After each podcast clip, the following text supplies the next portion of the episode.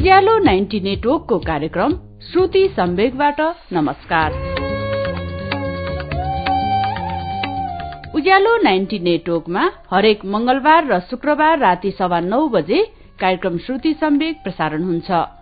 देशभरिका अठारवटा FM radio स्टेशनहरूबाट एकैसाथ प्रसारण भइरहेको कार्यक्रम श्रुति सम्वेगमा हामी वरिष्ठ साहित्यकारहरूका उत्कृष्ट गद्यहरू वाचन गर्दछौं। श्रुति सम्वेकको मंगलबारको श्रृंखलामा गएको केही सातादेखि हामीले कृष्ण धारावासीको नयाँ उपन्यास आधा बाटो लिएर आएका छौं।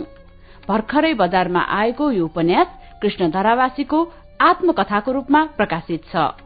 कृष्ण धारावासीको वास्तविक नाम कृष्ण प्रसाद भट्टराई हो। कुल तीन सय चौरासी पृष्ठ रहेको उपन्यास आधा बाटोको गएको श्रृंखलामा कृष्ण धारावासीले बाल्यकालका प्रसंगहरू सम्झनु भएको छ। बाल्यकालकै प्रसंगमा लेखकले आफूले पसलमा बस्दा कमाएको दश रूपियाँ लुकाउनु परेको समस्याबारे बताएपछि गएको श्रृंखला सकिएको थियो। अब आधा बाटोको चौथो श्रृंखलाको वाचन पृष्ठ चौसठीदेखि सुनौ अच्युत घिमिरेको आवाजमा।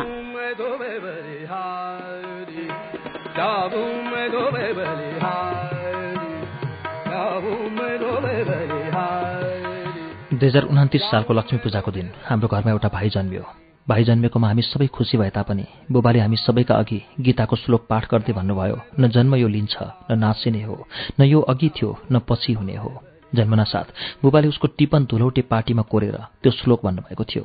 तर त्यस श्लोकलाई हामी कसैले पनि ध्यान दिएनौँ। दाजुको भन्दा यसको ग्रह निम्जो छ पनि भन्नुभएको थियो।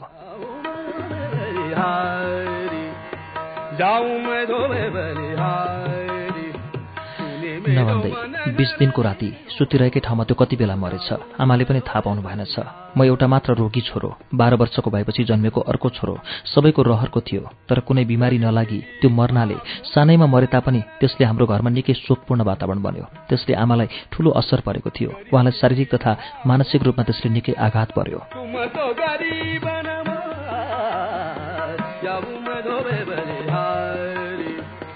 घरमा डकैती लागेपछि त्यो वर्ष हामी साइला काकाको जग्गामा सानो घर बनाएर बसेका थियौँ। बसिरहेको आफ्नो जग्गाबाट घरै उठाएर हिँडेपछि त्यहाँ हुने अन्य साधारण सागसब्जी उत्पादन पनि हुन सकेको थिएन।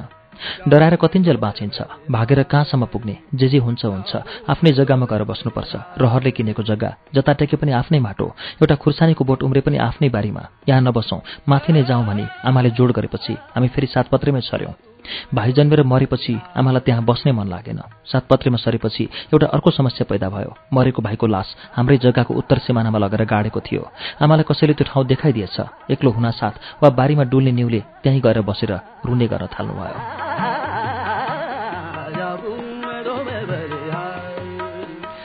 आमालाई घरमा एक्लो हुनु नदिन। बुबाले हामी कसै न कसैलाई आमाको पछि लगाउनुहुन्थ्यो। आमालाई त्यो भाइको मृत्यु बिर्सन धेरै वर्ष लाग्यो। त्यही लक्ष्मी पूजाको राति बजारमा एउटा सब्जी व्यापारी मुसलमान आइमाईले पनि छोरो पाएकी रहेछन्।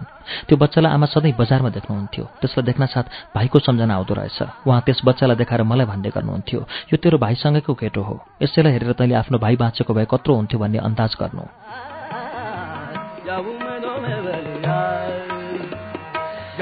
म पनि आमाले त्यसो भनेपछि त्यसलाई आफ्नै भाइ चाहिँ देख्न थालेँ। कहिलेकाहीँ उसकी आमाले त्यसलाई जोड जोडले पिटिरहेकी हुन्थिन्। छुट्याउन आमा पुगिहाल्नुहुन्थ्यो छोरासँग रिस मरेपछि उसकी आमा हाँस्दै भन्थिन् ये बजाइन इस लड्काको मार्ने कवि नै देती। माँ की तरह प्यार गर्ती हे यसको? त्यस केटाले पनि पछि ठुलो हुँदै गएपछि आमालाई निकै आदर गर्थ्यो।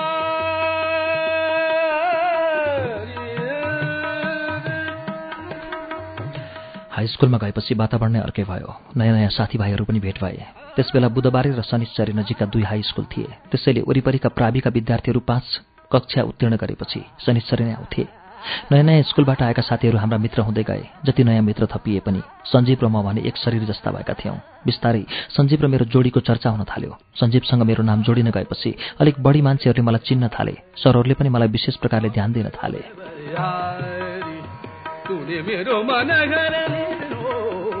सञ्जीवको जति घनिष्ठ भए पनि पढाइमा भने म खासै तेज हुन सकिनँ। कक्षामा सामान्य विद्यार्थीको अवस्थाभन्दा माथि म पुगिनँ। तर सञ्जीवसँग जोडिएको मेरो परिचयसँगै स्कुलका सर हेड सरहरूले मेरा आमा बुबाहरूलाई पनि चिन्दै गए सरहरूको विशेष सहानुभूति म प्रति बढ्न थालेपछि आफूलाई केही बढी नै सुरक्षित जस्तो अनुभूति हुन थाल्यो।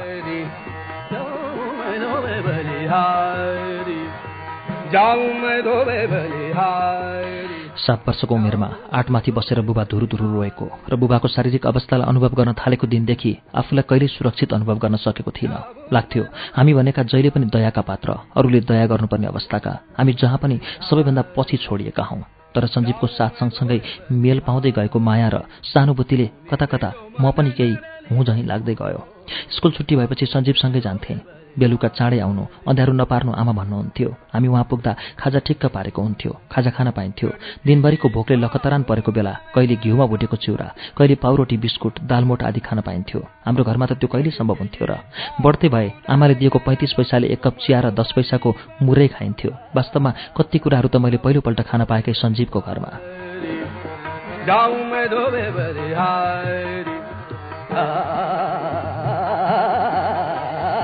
खाजा खाइसकेपछि डाक्टर बाले भन्नुहुन्थ्यो केटा हो लौ तिमीहरू खेल एक क्षण अनि हामी रमाउँदै खेल्न थाल्थ्यौँ। बसेर खेल्ने खेल खेल्न पाइँदैन थियो। कुद्ने उफ्रने खेल खेल्नु पर्थ्यो। फुटबल ब्याडमिन्टन रिङ फ्याँक्ने क्रिकेट आदि। यस्ता खेलमा अरू पनि वरिपरिका साथीहरू भेला हुन्थे। यस्ता खेलहरूमा म कहिल्यै जित्न नसक्ने। खास म राम्ररी कुद्न सक्दैनथेँ चाँडै मेरा खुट्टा गलिहाल्थे। तर सञ्जीव हेर्दा लुते दुब्लो देखिए पनि उनीभित्र बल थियो। उनी उफ्रन कुद्न सजिलै सक्थे र खेल जित्थे पनि। सञ्जीवले अलिक पछि गएर तेक्वान्दो कराते पनि सिके।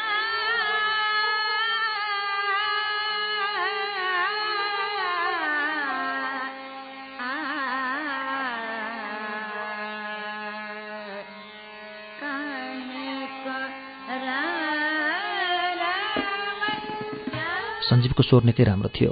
नेपाली तथा हिन्दी गीत साह्रै राम्ररी गाउन सक्थे। मेरो स्वर राम्रो थिएन। गाउन मन लागे पनि गाउन सक्दिनथेँ। सञ्जीवलाई बेन्जो किनिदिएको थियो। उनले चाँडै त्यो बजाउन जानिहाले। मैले भने कति नै गर्दा पनि त्यसलाई बजाउन जानिनँ। सञ्जीव कविता लेख्थे। उनका कविता सुनेर म छक्क पर्थेँ। घरमा गएर लेख्न खोज्थेँ। हुँदैन थियो। हाई स्कुलमा शुक्रबार शुक्रबार कवि गोष्ठी हुन्थ्यो। त्यहाँ अरूहरूले कविता सुनाइरहन्थे। हस्त सरले कक्षा पाँचमै हामीलाई पनि कविता लेख्न लगाउने गर्नुभएको थियो। तर हाई स्कुलमा गएपछि त्यो पनि हरायो। एकपल्ट स्कुलको वार्षिकोत्सवका दिन साहित्य गोष्ठीमा मैले पनि एउटा दन्ते कथा नेपाली गद्य सङ्ग्रह भन्ने पुस्तकबाट सारेर लगेर सुनाएँ। त्यत्र धेरै मानिसका अघि उभिएर पहिलोपल्ट त्यो कक्षा कथा पढ्दा म यति साह्रो लगभग कामेँ कि राम्ररी पढ्न पनि सकिनँ। पढ्दा पढ्दै बिचैमा कागज बुझाएर फर्केँ। कथा लामो थियो। मेरो सासैले पुगेन त्यस गोष्ठीमा सञ्जीवले नेपाल आमा भन्ने कविता सुनाए। उनको कविता पुरस्कृत पनि भयो।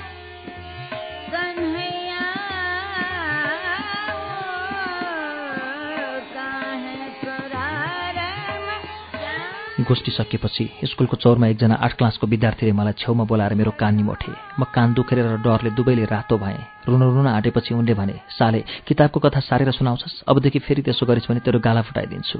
म डरले लगलग कामिरहेकै भए पनि सोधेँ अनि के गरेर सुनाउने त? उनले भने आफै लेख्नुपर्छ। कसैले नलेखेको आफैले सोचेर लेखेको मात्र ल्याएर यहाँ सुनाउनु पाइन्छ। कि आफै लेखेर सुनाउनु कि नसुनाउनु? मैले आज्ञाकारी छात्र चाहिँ हुन्छ भनेर टाउको हल्लाएँ। उनी बुझिस् भन्दै आउनु ठडाउँदै बाटो लागे।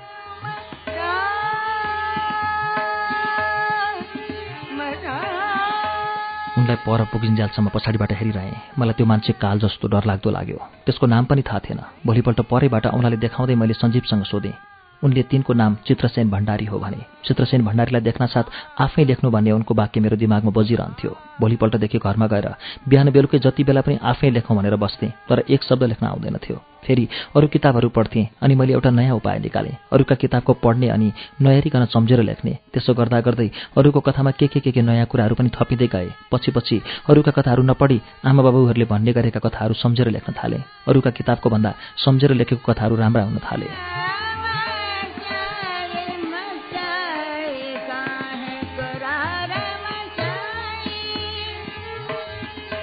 कविता चाहिँ सञ्जीवबाटै मैले खेल्न सिकेँ। उनले जस्ता कविता लेख्थे त्यस्तै पारेर म पनि लेख्थेँ। उनले हिमाल डाँफे मुनाल वन जङ्गलका बारेमा लेख्थे। म पनि त्यस्तै मिलाएर लेख्थेँ। उनी श्रीपेश राष्ट्रिय झण्डा वीर बलभद्रका बारेमा लेख्थे। म पनि त्यस्तै लेख्थेँ। तर त्यसरी लेखेका कति कविताहरू म सञ्जीवलाई देखाउँदिन थिएँ। पछि पछि त आफ्नै कविता आउन थाल्यो। सचिले चराका बारेमा लालीगुराँसका बारेमा दौरा सुरुवालका बारेमा कविता बनाउन थालेँ। अर्को वर्षको वार्षिक उत्सवमा मैले आफैले सोचेर लेखेको कविता सुनाएँ। त्यो वर्ष सञ्जीवले गुनासो भन्ने कविता सुनाएका थिए र त्यो कविता प्रथम भएको थियो। छुट्टी भएपछि म चित्रसेन दाईका छेउछाउतिर गएँ तर उनले मलाई खासै ध्यान दिएनन्। गाली पनि गरेनन् खुसी पनि भएनन्। सायद उनले एक वर्ष अघिको कुरा बिर्सिसकेका थिए होला। चित्रसेन भण्डारी आफू चाहिँ स्कुलका छुच्चा छात्रमध्येका एक थिए झगडा गर्ने केटा कुट्ने यस्तै उस्तै परे सरहरूसँग पनि सँगसँगै बाँच्ने स्कुल बाहिर बजारतिर पनि मारपिट गर्ने खालका डरलाग्दा मध्ये एक थिए। उनको उजुर बाजु र चर्चा सधैँ भइरहन्थ्यो। म भने जब जब लेख्न बस्थेँ झल्यास झल्यास उनीहरूलाई सम्झन्थेँ। सहेला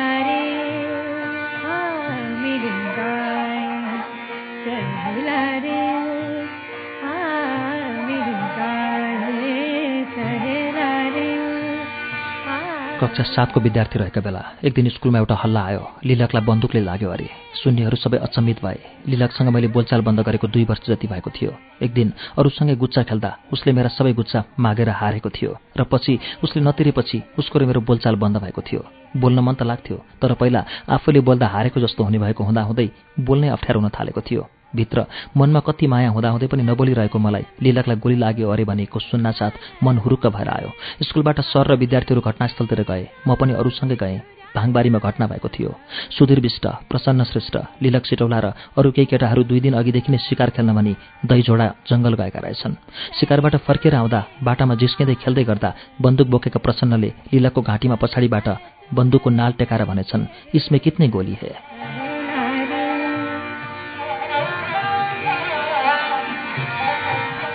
त्यसबेला सोले हिन्दी फिल्मको ज्यादै प्रभाव थियो। वास्तवमा बन्दुकमा गोली छ भन्ने उनीहरूलाई थाहा रहेनछ। शिकार खेल्दा खेल्दै गोली सकिएको ठानेरै उनीहरू घर फर्किएका रहेछन्। जिस्कँदा जिस्कँदै प्रसन्नले बन्दुकको घोडी दबाइदिएछन्। एकाएक बन्दुक पड्कियो। लिलक फनन्न घुमेर जमिनमा ढले।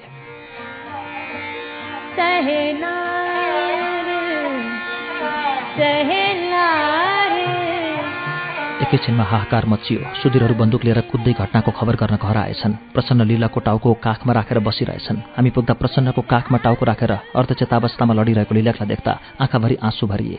लीलाकलाई बाँच्छ भनेर कसैले कल्पना पनि गरेका थिएनन्। देख्नेहरू सबैले प्रशंसा गरे प्रसन्नको। उनको आत्मबल र धैर्यलाई देखेर सबै अचम्मित भएका थिए। उनले मात्र पनि आत्तिएर छोडेर भागेका भए लीलाको घटनास्थलमै मृत्यु हुन सक्थ्यो।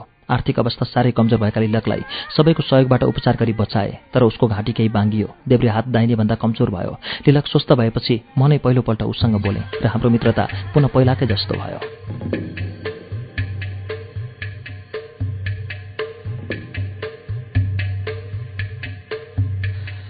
सातपत्रेमा जग्गा किनेर बसोबास सुरु भएपछि माइली फुपू कहाँ साङ्रुममा बस्दै गरेकी दिदी कमला र खालबाडीमा साइली सानीमा कहाँ बस्दै गरेकी माइली बहिनी चन्द्रालाई पनि आमा बुबाले बोलाउनु भएको थियो। सातपत्रेमा बोलाएको एक वर्षपछि नै पन्ध्र पुगेर सोह्र वर्ष लागेकी दिदीको विवाह भइसकेको थियो। दिदीको विवाहपछि सानै भए तापनि घरधन्दा गर्ने सम्पूर्ण भार चन्द्रका जिम्मामा आएको थियो। दुई हजार एकतिस सालमा कान्छो भाइ कुमार जन्म्यो माघमा। भाइ जन्मिँदा पनि हाम्रो घरको अवस्थामा खासै सुधार भएको थिएन। बुबाको स्वास्थ्य क्रमशः बिग्रँदै जाँदै थियो। हातगोडा कमजोर त छँदै थियो। अब पेटको रोग पनि थपिएको थियो। अर्कालाई जोत्न लगाएर खेती गर्ने गरेको थियो। आफूले जोत्न नसके पनि आइजी डाँडाका सतारहरूलाई बोलाएर रोजगारीमा जोताउने गरिन्थ्यो। तर बिस्तारै आइजी डाँडाका सतारहरू राति राति भागेर बसाइ जान थालेपछि ज्यालामा जोत्ने मान्छे पाउन पनि कठिन हुन थाल्यो। यस्तैमा एक दिन बुबाले उहाँका नजिकका नाता पर्ने सडाई थरका सानाबा सानीमालाई अधिया खेती गर्नका लागि बोलाउनु भयो बुबाले जग्गा अधियामा दिएको कुरा सुनेर पटवारी बा बुबासँग नराम्रो गरी रिसाउनु भयो उहाँले बुबालाई जमिनदार भएछौ बाजे अब पछि तिम्रो आफन्तले मोही लगाएर जग्गा कब्जा गरेपछि थाहा पाउला। बुबाले आफ्नो समस्या बताएर पटवारी बाबाट मुक्ति लिनुभयो।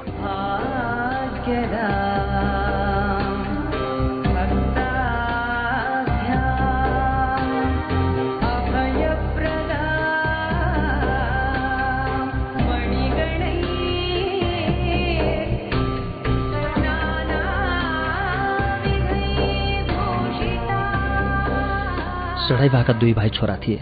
कृष्ण सिडाई र ज्ञानी सिडाई। कृष्ण सिडाई हामीभन्दा उमेरले धेरै जेठा थिए।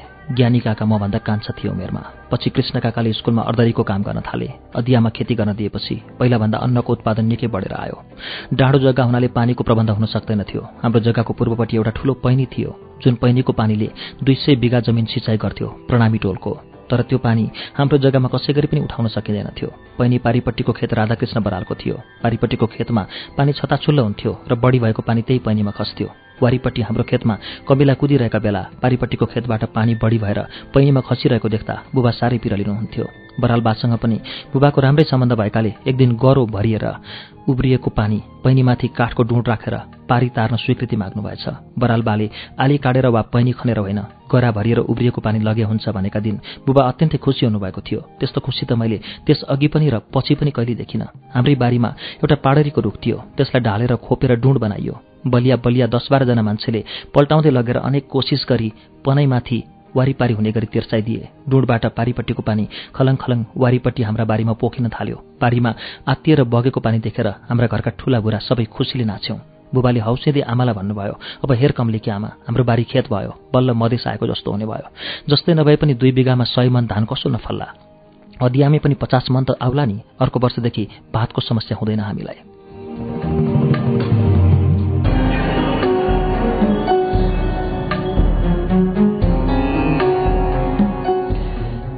खुसी हुनुभएको थियो। उहाँले भन्नुभयो आफ्नो बारीको अन्नले खान पुग्यो भने दोकानको पैसाले धेरै थोक माल जोड्न सकिन्छ। एउटा अलिक राम्रो टिन लगाएरै घर बनाउन सकिन्छ।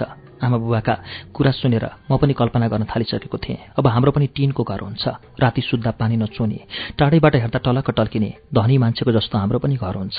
मनमा जति बेला पनि म अनेक कल्पना गरिरहन्थेँ र कहिले कथा कहिले कविता बनाएर लेखिरहन्थेँ।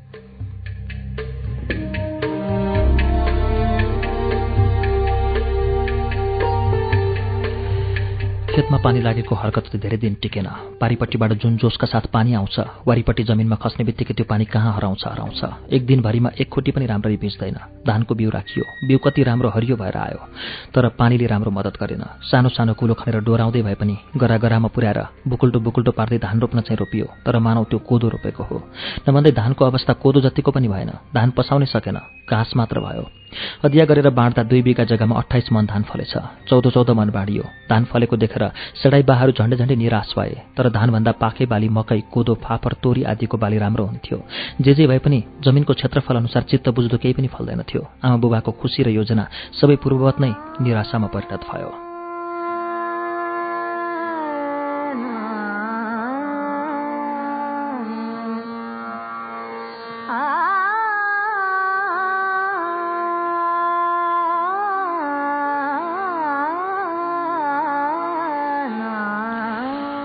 कक्षा आठमा पुगेपछि ममा एउटा कुराको एकाएक विकास भयो। म अङ्ग्रेजीको रिडिङ फरर गर्न सक्ने भएँ कतै नअड्की रिडिङ गर्न सक्ने भएको अनुभव भएका दिन म अत्यन्तै खुसी भएको थिएँ। अङ्ग्रेजी रिडिङ गर्न सक्ने भएपछि मलाई के लाग्यो भने अब अङ्ग्रेजी जानियो। पढ्न मात्र सक्ने भएपछि त जानु नै के बाँकी रहेर। तर म फर्र पढ्न सक्नेमै मात्र सीमित रहेँ। त्यसो त हिज्जेहरू कण्ठ गर्ने परीक्षामा लेख्ने साधारण विद्यार्थी सरह पास पनि भइरहन्थे तर सहपाठी सञ्जीव र शङ्कर जति जान्ने हुन म कहिले सकिनँ। अक्षर पनि मेरा उस्तै नराम्रा थिए। म कुनै विषयमा पनि उनीहरूभन्दा अघि जान सकिनँ। हामीसँग मिसिन आएका मित्र शङ्कर सुवेदी पनि कथा कविता लेख्ने गर्थे। हाम्रा धेरै खाले रुचिहरू मिलेकै कारण हाम्रो मित्रताले आधार पाएछ।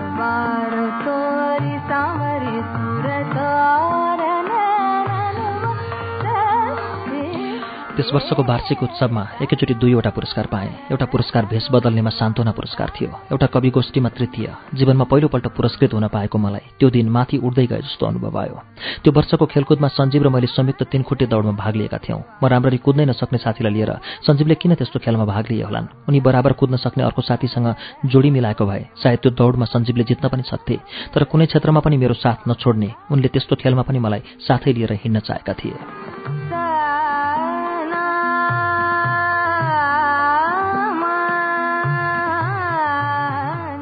हामी अहिले उज्यालो नाइन्टी नेटवर्कको कार्यक्रम श्रुति सम्वेगमा उपन्यासकार कृष्ण धरावासीको उपन्यास आधा बाटो सुनिरहेका छौं। केही बेरपछि यसको बाँकी अंश लिएर आउँछौ। उज्यालो सुन्दै गर्नुहोला।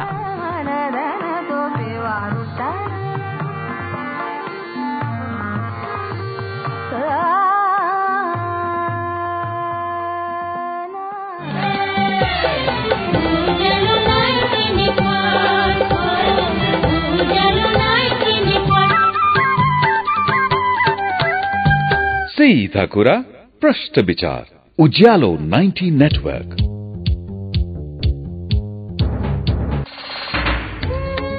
कार्यक्रम श्रुति सम्वेक तपाई अहिले उज्यालो नाइन्टी नेटवर्क काठमाडौँ सँगै इलाम एफएम झापाको एफएम मेची ट्युन्स बर्दिवासको रेडियो दर्पण दोलखाको कालिन्चोक एफएम वीरगंजको नारायणी एफएम हेटौँडा एफएम चितवनको रेडियो त्रिवेणीमा सुनिरहनु भएको छ।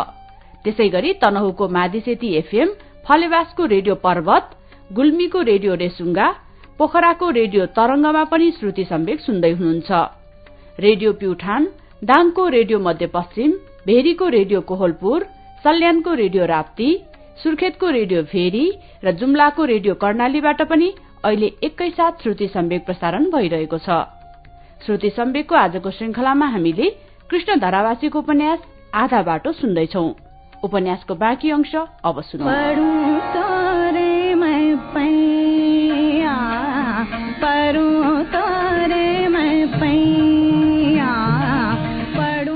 सुनमा घुन कसरी लाग्यो भन्ने कविता त्यो वर्ष मैले स्कुलमा पेश गरेको थिएँ। पुरस्कारमा एक दर्जन रङ्गीन पेन्सिलको प्याकेट एउटा खाता र एउटा पेन्सिल पाएको थिएँ। मलाई ती चिजहरू यति मूल्यवान लागे कि तिनलाई मैले कहिल्यै प्रयोग नगरी थन्काएर राखेँ।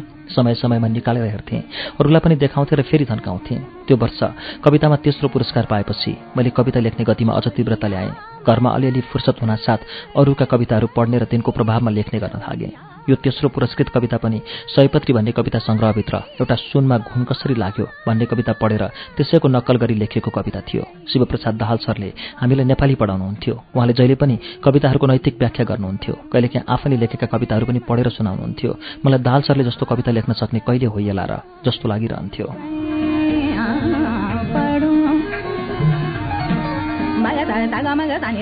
त्यसै वर्ष कक्षा आठमा एकजना अर्का साथी पनि आएका थिए। होमनाथ चापागाई। उनी पढाइमा तेज थिएनन्। राधाकृष्ण बरालका नाताका हुनाले उनी त्यहीँ बस्थे। बराल बाह्र हाम्रो घर नजिकै नजिकै भएकाले होमनाथ पनि मेरो घनिष्ठ साथी भए। कक्षा कोठामा पनि उनी हाम्रै बेन्चमा सँगै बस्न थाले। उनी उमेरमा सञ्जीव र मभन्दा जेठा थिए। इलामतिरबाट आएका उनी अलिक छाडा शब्द बोल्ने बानी भएका थिए। धेरैजसो बेला केटीहरूका कुरा गरेर जिस्काने गर्थे। उनी यस्ता यस्ता काल्पनिक प्रेम कथाहरू सुनाउँदा रहेछन्। हामी पत्याउँथ्यौँ। उनको मुखमा हेमा भन्ने केटीको नाम बारम्बार आउँथ्यो। उनको सङ्गत बढ्दै र उनका अश्लील कुरा सुन्दा सुन्दै हाम्रो लागि उनी विशिष्ट जस्ता लाग्दै गए। सञ्जीव र ममा पनि उनको प्रभावले केही त्यस्ता विषयहरूले प्रवेश पाउन थाले।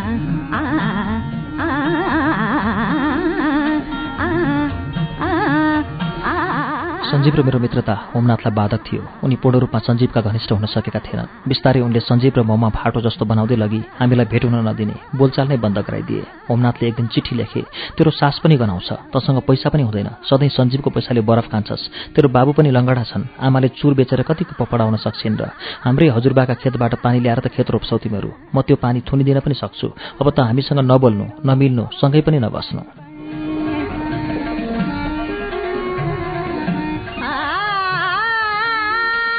त्यो चिठी पढेर मलाई ल्याक्लुलुक भएँ मलाई जस्तै दुःखमा भए पनि आजसम्म कसैले त्यसरी भनेको थिएन। सञ्जीवले त झन् कसरी मलाई गोडेर लिएर गइरहेका थिए। उसले मलाई मेरो हैसियतमाथि त्यसरी औँलो ठडाइदिँदा म साह्रै व्यथित भएँ। साँच्चै उसले भने जस्तै लाग्न थाल्यो आफूलाई पनि जता फर्केर हेरे पनि अँध्यारो मात्र देख्न थालेँ।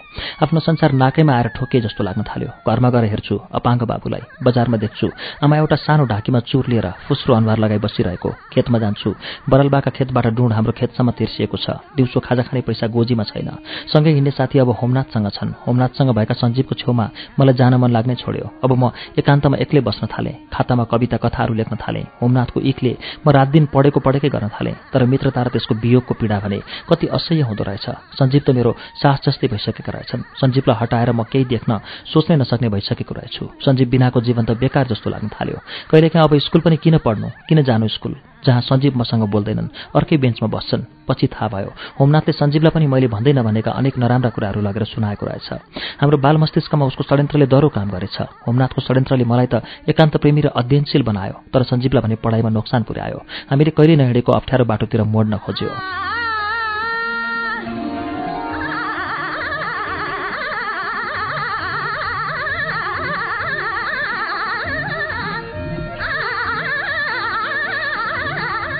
सञ्जीव र मेरा बीचमा एकअर्कालाई नभएका कुरा सुनाएर फाटो बढाउन सफल भएको होमनाथले तर आफ्नो भने खासै उन्नति गर्न सकेन। कक्षा आठको रिजल्ट हुँदा होमनाथले दुई विषयमा दागी लगाएको थियो। म पाँचौँ भएको थिएँ। सञ्जीव सदा कक्षामा प्रथम हुने विद्यार्थी दोस्रो भएका थिए।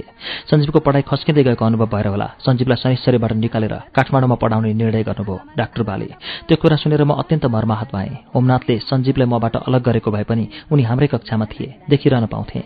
सञ्जीव मसँग नबोले पनि उनी कक्षामा नभएको वा स्कुल नआएको दिन मलाई त्यसै त्यसै छटपट्टि हुन्थ्यो। होमनाथ भने मसँग आँखा जुधेका बेला जिब्रो निकालेर जिस्काउँथ्यो। सञ्जीवसँग भने आँखा समेत जुत्दैन थियो। होमनाथको चिठी मैले सञ्जीवलाई देखाउन एक दिन बोकेर स्कुल गएको थिएँ। त्यो दिन सञ्जीव आएका थिएनन्। अर्को दिन होमनाथले फेरि अर्को चिठी लेख्यो। त सञ्जीवसँग छेउछेउ जान खोज्छस् रे अबदेखि छेउछेउ नजानु अरे। मेरो मनमा उठेको सानो हौसला पनि त्यसै शिथिल भएको थियो। तर कक्षा आठको रिजल्ट भएपछि होमनाथ पहाड गएको। फेरि फर्केर कहिले आएन। होमनाथ हटेपछि सञ्जीव र मेरो फेरि बोलचाल सुरु भयो। त्यसपछि हामी दुवैलाई थाहा भयो। होमनाथको एकल षड्यन्त्र।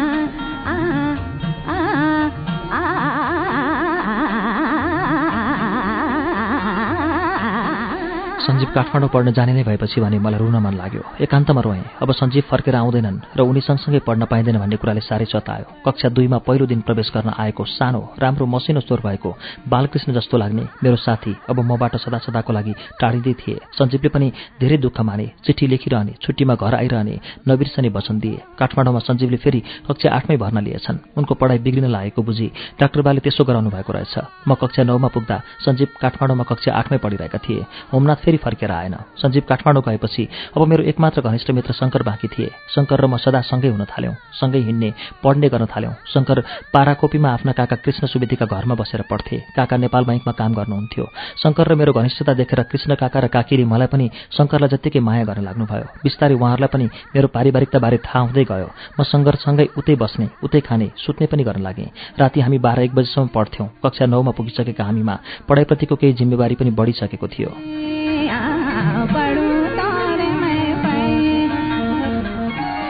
सञ्जीव नभए पनि मलाई डाक्टर बाले बोलाइरहनुहुन्थ्यो। साथी छैन भनेर नआउने होइन त आउँदै गर्नु। त पनि हाम्रै छोरो होस्। सञ्जीव नभए पनि चार पाँच दिन चार पाँच दिनमा म त्यहाँ गइरहन्थेँ। बस्थेँ। डाक्टर बासँग डर लाग्थ्यो। हुन त उहाँले कहिले गाली गर्नुभएको थिएन। तर के को के को? अभिभावकत्वको डर होला। मलाई सञ्जीवलाई छोटा भएका नयाँ लुगाहरू दिनुहुन्थ्यो। खाता मसी दिनुहुन्थ्यो। गएको बेला केही न केही म पाइरहन्थेँ। बिरामी हुँदा कहिले एक पैसा तिर्नु परेन। दबाई औषधि मलाई मात्र होइन। हाम्रो परिवार कसैको पनि उपचार खर्च उहाँले लिनु भएन शङ्कर बाहेक कक्षामा मिल्ने अरू साथीहरू विपिन प्रसाई किरण दाहाल सुरेन्द्र प्रसाई हिराशम्भु तिवारी खगेन्द्र ढकाल आदि थिए। काशीनाथ उप्रेती र नरप्रसाद उप्रेती दुवैजना मेरा थप घनिष्ठ मित्रहरू थिए।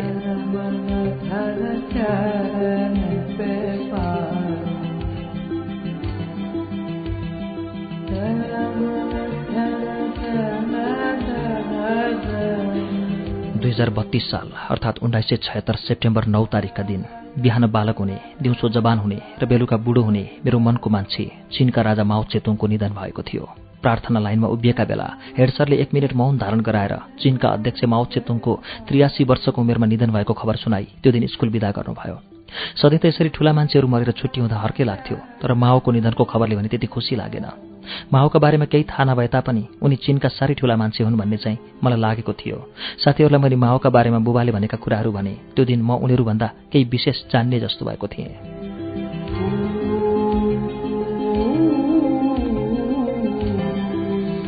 दुई हजार बत्तीस सालको हिउँदमा फागुनमा विद्यालयले शैक्षिक भ्रमणमा कक्षा नौका छात्राहरूलाई दार्जिलिङ लाने भयो। शैक्षिक भ्रमणमा जान चाहने विद्यार्थीहरूले पन्ध्र पन्ध्र रुपियाँका दरले सरहरूलाई बुझाउनु पर्ने र आफूलाई चाहिने पकेट खर्च स्वयं बोक्नुपर्ने भयो।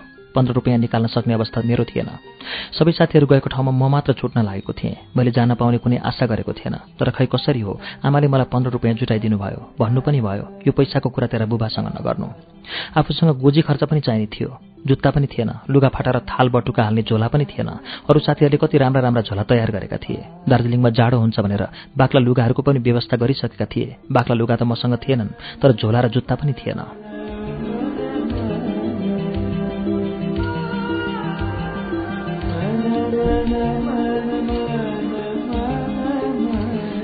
बिहान सात बजे सबैजना स्कुलमा भेला भयौँ। हिँड्ने दिन बिहान आमाले गोजीमा भारू तिन हालिदिनु भयो श्री सरोज ओली र कृष्णप्रसाद सेवाकोटी हाम्रो भ्रमणका अभिभावक हुनुहुन्थ्यो। शनिश्चरीबाट हिँडेको दिन बिहानको खाना हामीले हडिया खोला पारी काली खोलाको बगरमा खायौँ। इलाम जाने बाटो त्यतैबाट खनिँदै थियो। पहिलो दिन बिहानको छाक भात नै आधा काँचो र आधा डढेको थियो। थोरै आलुमा धेरै पानी हालेर उमालिएको थियो। जीवनमा पहिलोपल्ट त्यति काँचो भात र खल्लो तिउन खाएको थिएँ मैले। घाँटीबाट पटक्कै छिरेन तर दिनभरि हिँड्नु थियो। जबरजस्ती अलिकति खाएँ। घाँटीबाट छिरे पो खानासाना खाएर त्यहाँबाट हिँड्दा त्यस्तै दिनको बाह्र जति बजेको थियो होला।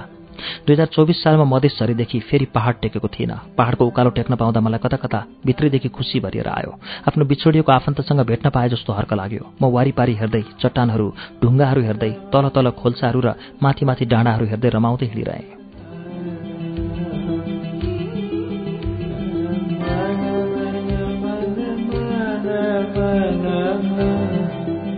भोलिपल्ट बिहानको खाना फिक्कलमा र बेलुकाको बास पशुपति नगरमा भयो। पशुपति नगरमा धेरै जाडो थियो। त्यहाँ पुग्दा पानी पनि पर्यो। टायरको चप्पल हाम्रो। यात्राका साथीहरूमध्ये मैले मात्र लगाएको थिएँ। अरू सबैले कसैले छालाका कसैले कपडाका जुत्ता लगाएका थिए।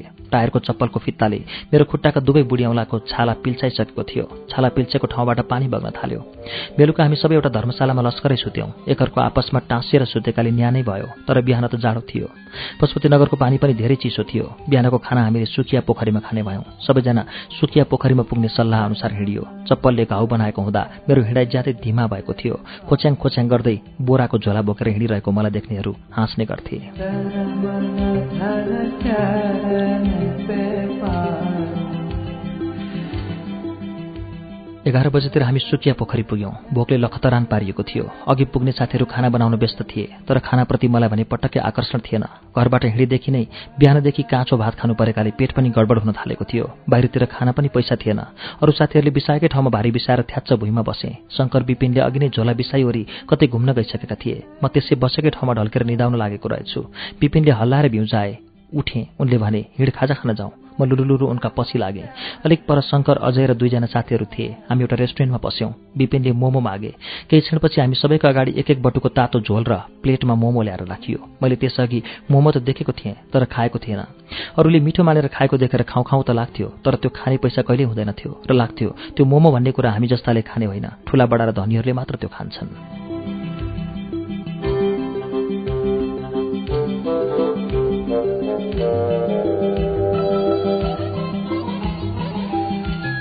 मैले थुक्पा भने खाएको थिएँ। थुक्पा खाएको त्यो संस्मरण ताजै बोकेको मलाई। मोमोबारे पनि शङ्का लाग्यो। तर साथीहरूले मिठो मानेर कपाकप खाएको देखेर मुखमा हालेँ। ओहो क्या मिठो? अगाउन्जी खान पाए पनि हुने जस्तो लाग्यो। जे होस् जीवनमा पहिलोपल्ट त्यति मिठो मोमो खान पाएको थिएँ। पैसा बिपिनले नै तिरे। तर पैसा तिर्ने बेलामा उनले पसलेलाई सोधे मोमोमा के को मासु थियो? सुँगुरको। सुन्ने बित्तिकै मलाई रिङ्गटा छुट्ला जस्तो भयो। वाक वाक लाग्ला जस्तो भयो। जात गए जस्तो भयो। बुबाले घरमा थाहा पाए जस्तो भयो। एकै शब्दले एकै क्षणमा मलाई सिकिस्त बिरामी बनायो। हे भगवान् आज सुँगुरको मासु खाइयो जात गयो। बाहुनको छोराले त्यसरी सुँगुरको मासु खानै नहुने। लो बर्बाद भयो भन्ने भावले म बिरामी जस्तो भएँ। अघिको मेरो उत्साह खुसी सबै स्वात्त सुत्त हराएर गयो।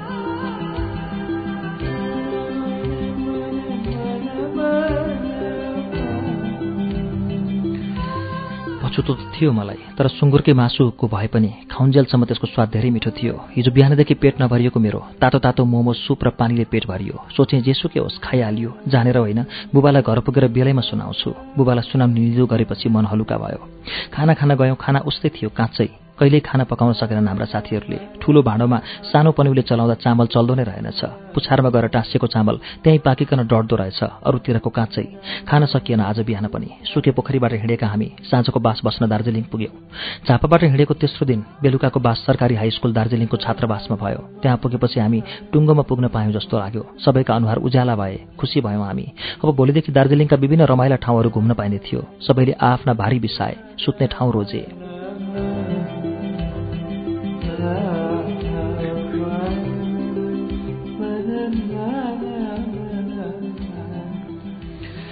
हाम्रो टोली विपिन शङ्कर किरण आदि पनि साँझतिर खाना खान हामी बजार पस्यौँ। पहिलोपल्ट दार्जिलिङ पुगेका हामी। कतिजनालाई त त्यसको भ्याउ नै थिएन। मैले त जीवनमा देखेको सबैभन्दा ठूलो सहर सायद त्यही थियो।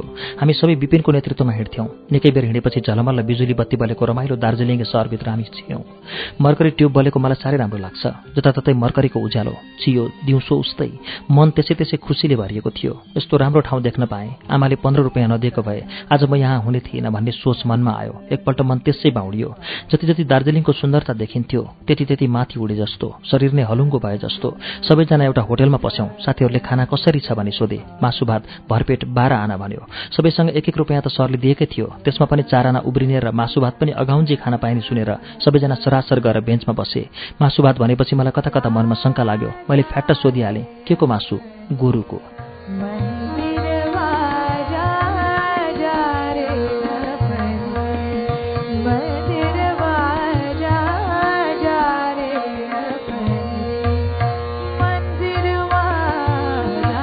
लल्याक लुलुक भए मन त्यसै बहिलिएर आयो। हे भगवान् आज यो के सुन्नु पर्यो? सुँगुरसम्म त नेपालका मान्छेहरूले खान्छन् नै तर कसरी त्यो दोकानेले माझै मुखबाट गोरुको मासु भन्न सक्यो। म निलो भएर एक क्षण उभिरहेँ। साथीहरू कपाकप मासु भात खान थालिसकेका थिए। शङ्कर र म गेटमै थियौँ। मैले त्यसअघि कहिले यस्तो कल्पना पनि गरेको थिएन। गाई र गोरुको हामी पूजा गर्छौँ। हाम्रो धर्ममै गाईलाई लक्ष्मीको रूपमा पूजा गरिन्छ। गाईको हत्या गर्नु भनेको हाम्रो देशमा मान्छे मार्नुभन्दा ठूलो अपराध मानिन्छ। मैले पसलेको अनुहार हेरेँ। नेपाली जस्तो थियो। बात मारेँ। नेपाली शुद्ध मानै। तर ऊ गोरुको मासु बेचिरहेको थियो। पटक्कै कुरा बुझिन। हामी सुटुको त्यहाँबाट निस्केर अलिक परको अर्को दोकानमा पस्यौँ। बाहिर लेखेको थियो निरामिष खाना पाइन्छ भनेर। खानाको दाम सोध्यौँ। दाल भात भरपेट एक रुपियाँ भन्यो हामीसँग एक एक रुपियाँ छँदै थियो। ढुक्कले बस्यौँ र खाना थाल्यौँ। खाना ल्याउने केटाले सोध्यो तरकारी पनि ल्याउँ हामीले छक्क परेर त्यसको अनुहारमा हेऱ्यौँ। अनि तरकारी बेगर कसरी खाने त? मैले भने तरकारीको अलग पैसा लाग्छ। कतिको ल्याउँ उसले भन्यो हामी फेरि छक्क पऱ्यौँ उसले एक एक बटुको आलु कोपी मिसिएको तरकारी ल्याइदियो। भात र दाल थपी थपी खायौँ। तरकारी चाटी चाटी टन्न अगाएपछि पैसा तिर्न गयौँ। तरकारीको फाल्टु पच्चिस पच्चिस पैसा लाग्यो।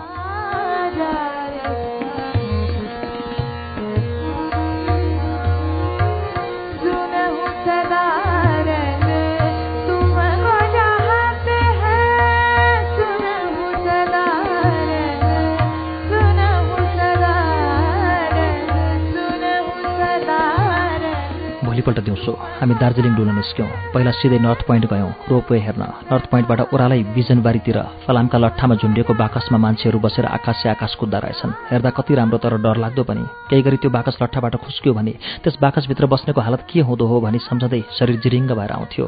पहिलोपल्ट चिडियाखाना हेर्न पाएँ दार्जिलिङमा। तेन्जिङको सङ्ग्रहालय पनि त्यहीँभित्र रहेछ।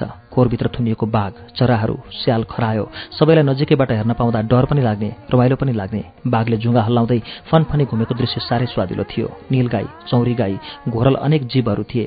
पहिल्यै त्यस्ता चिडियाखानाहरू देखिसकेका साथीहरू अरूतिरका चिडियाखानाहरूसँग तुलना गर्थे।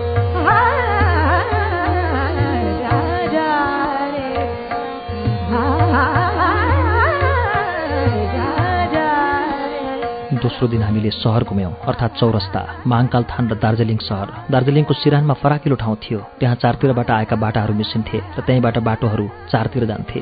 चौरस्तामा भाडाका घोडाहरू पाइँदा रहेछन्। मानिसहरू केही पैसा तिरेर घोडामा चढी चौरस्ता एक फनको लगाउँथे। चौरस्ताको भित्तापट्टि आदिकवि भानुभक्तको शालिक थियो। फोटो खिच्ने ठाउँ थियो। महाकाल बाबाको डाँडामुनि थुमको वरिपरि एक फनको मार्दा पुनः हिँडेकै ठाउँमा आइपुगिन्थ्यो। हामीले खुसी भएर दुई फनको मार्यौँ। तल लेबाङको खेल मैदान देखिन्थ्यो। पारी सिक्किमको पाखा देखिन्थ्यो। कञ्चनजङ्घा त जहाँबाट पनि देख्न सकिन्थ्यो। पहाडहरू सकिँदै सकिँदै हिमालहरू उठ्दै उठ्दै गएको आँखाले भ्याएसम्म देखिन्थ्यो। साथीहरूले सहर पसेर किनमेल गर्न थाले। किनमेल गर्नु त मेरो पनि थियो तर पैसा खै? म उनीहरूलाई किन्न मद्दत गर्दै पछि पछि हिँडिरहेँ। जे देखे पनि किनौ किनौ लाग्थ्यो। सबै राम्रै वस्तु मात्र बेच्ने राखेको हुँदो रहेछ। दार्जिलिङ पुगेको तेस्रो दिन खानासाना खाएर हामी सिलगढी जाने बस चढ्यौँ। बसले पहाडको घुम्तीबाट फन्को मार्दै काले लाग्दो भिरबाट तर्काउँदै जोगाउँदै चार बजेतिर सिलगढी ओह्राल्यो।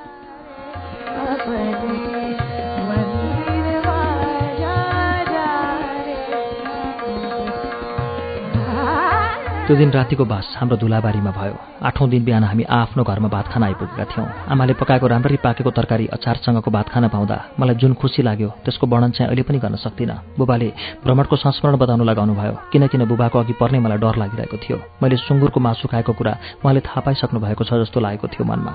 यात्राको वर्णन गर्न थाल्दै सुरुमै अँध्यारो अनुहार पारेर मैले भने मैले जानी जानी सुँगुरको मासु खाएको होइन।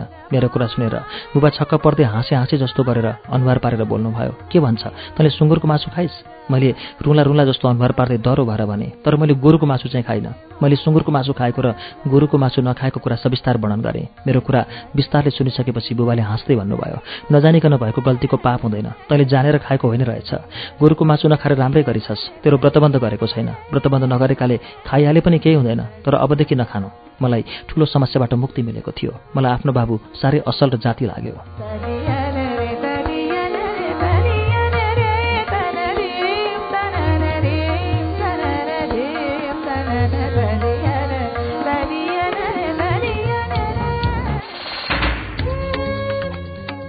कार्यक्रम श्रुति सम्वेगमा भर्खरै वाचन भयो कृष्ण धरावासीको उपन्यास आधा बाटोको चौथो श्रृंखला यो उपन्यास उहाँले आफ्नो आत्मकथाको रूपमा भर्खरै बजारमा ल्याउनु भएको हो।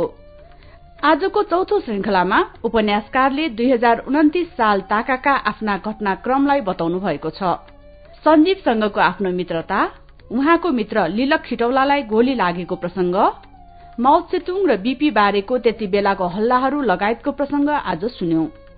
दार्जीलिङ घुमेर घर आइपुगिसकेर आफ्नो बुवासँग आफूले सुँगुरको मासु खाएको बारे बताएको अनुभवसम्मको प्रसंग आजको चौथो श्रृंखलामा पूरा भएको छ।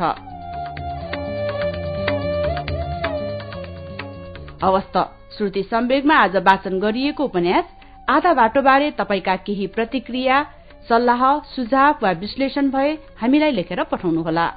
हाम्रो ठेगाना हो कार्यक्रम Shruti Sambeg post box number छ चार छ नौ काठमाडौँ र इमेल ठेगाना हो SHRUTI at UNN dot com dot NP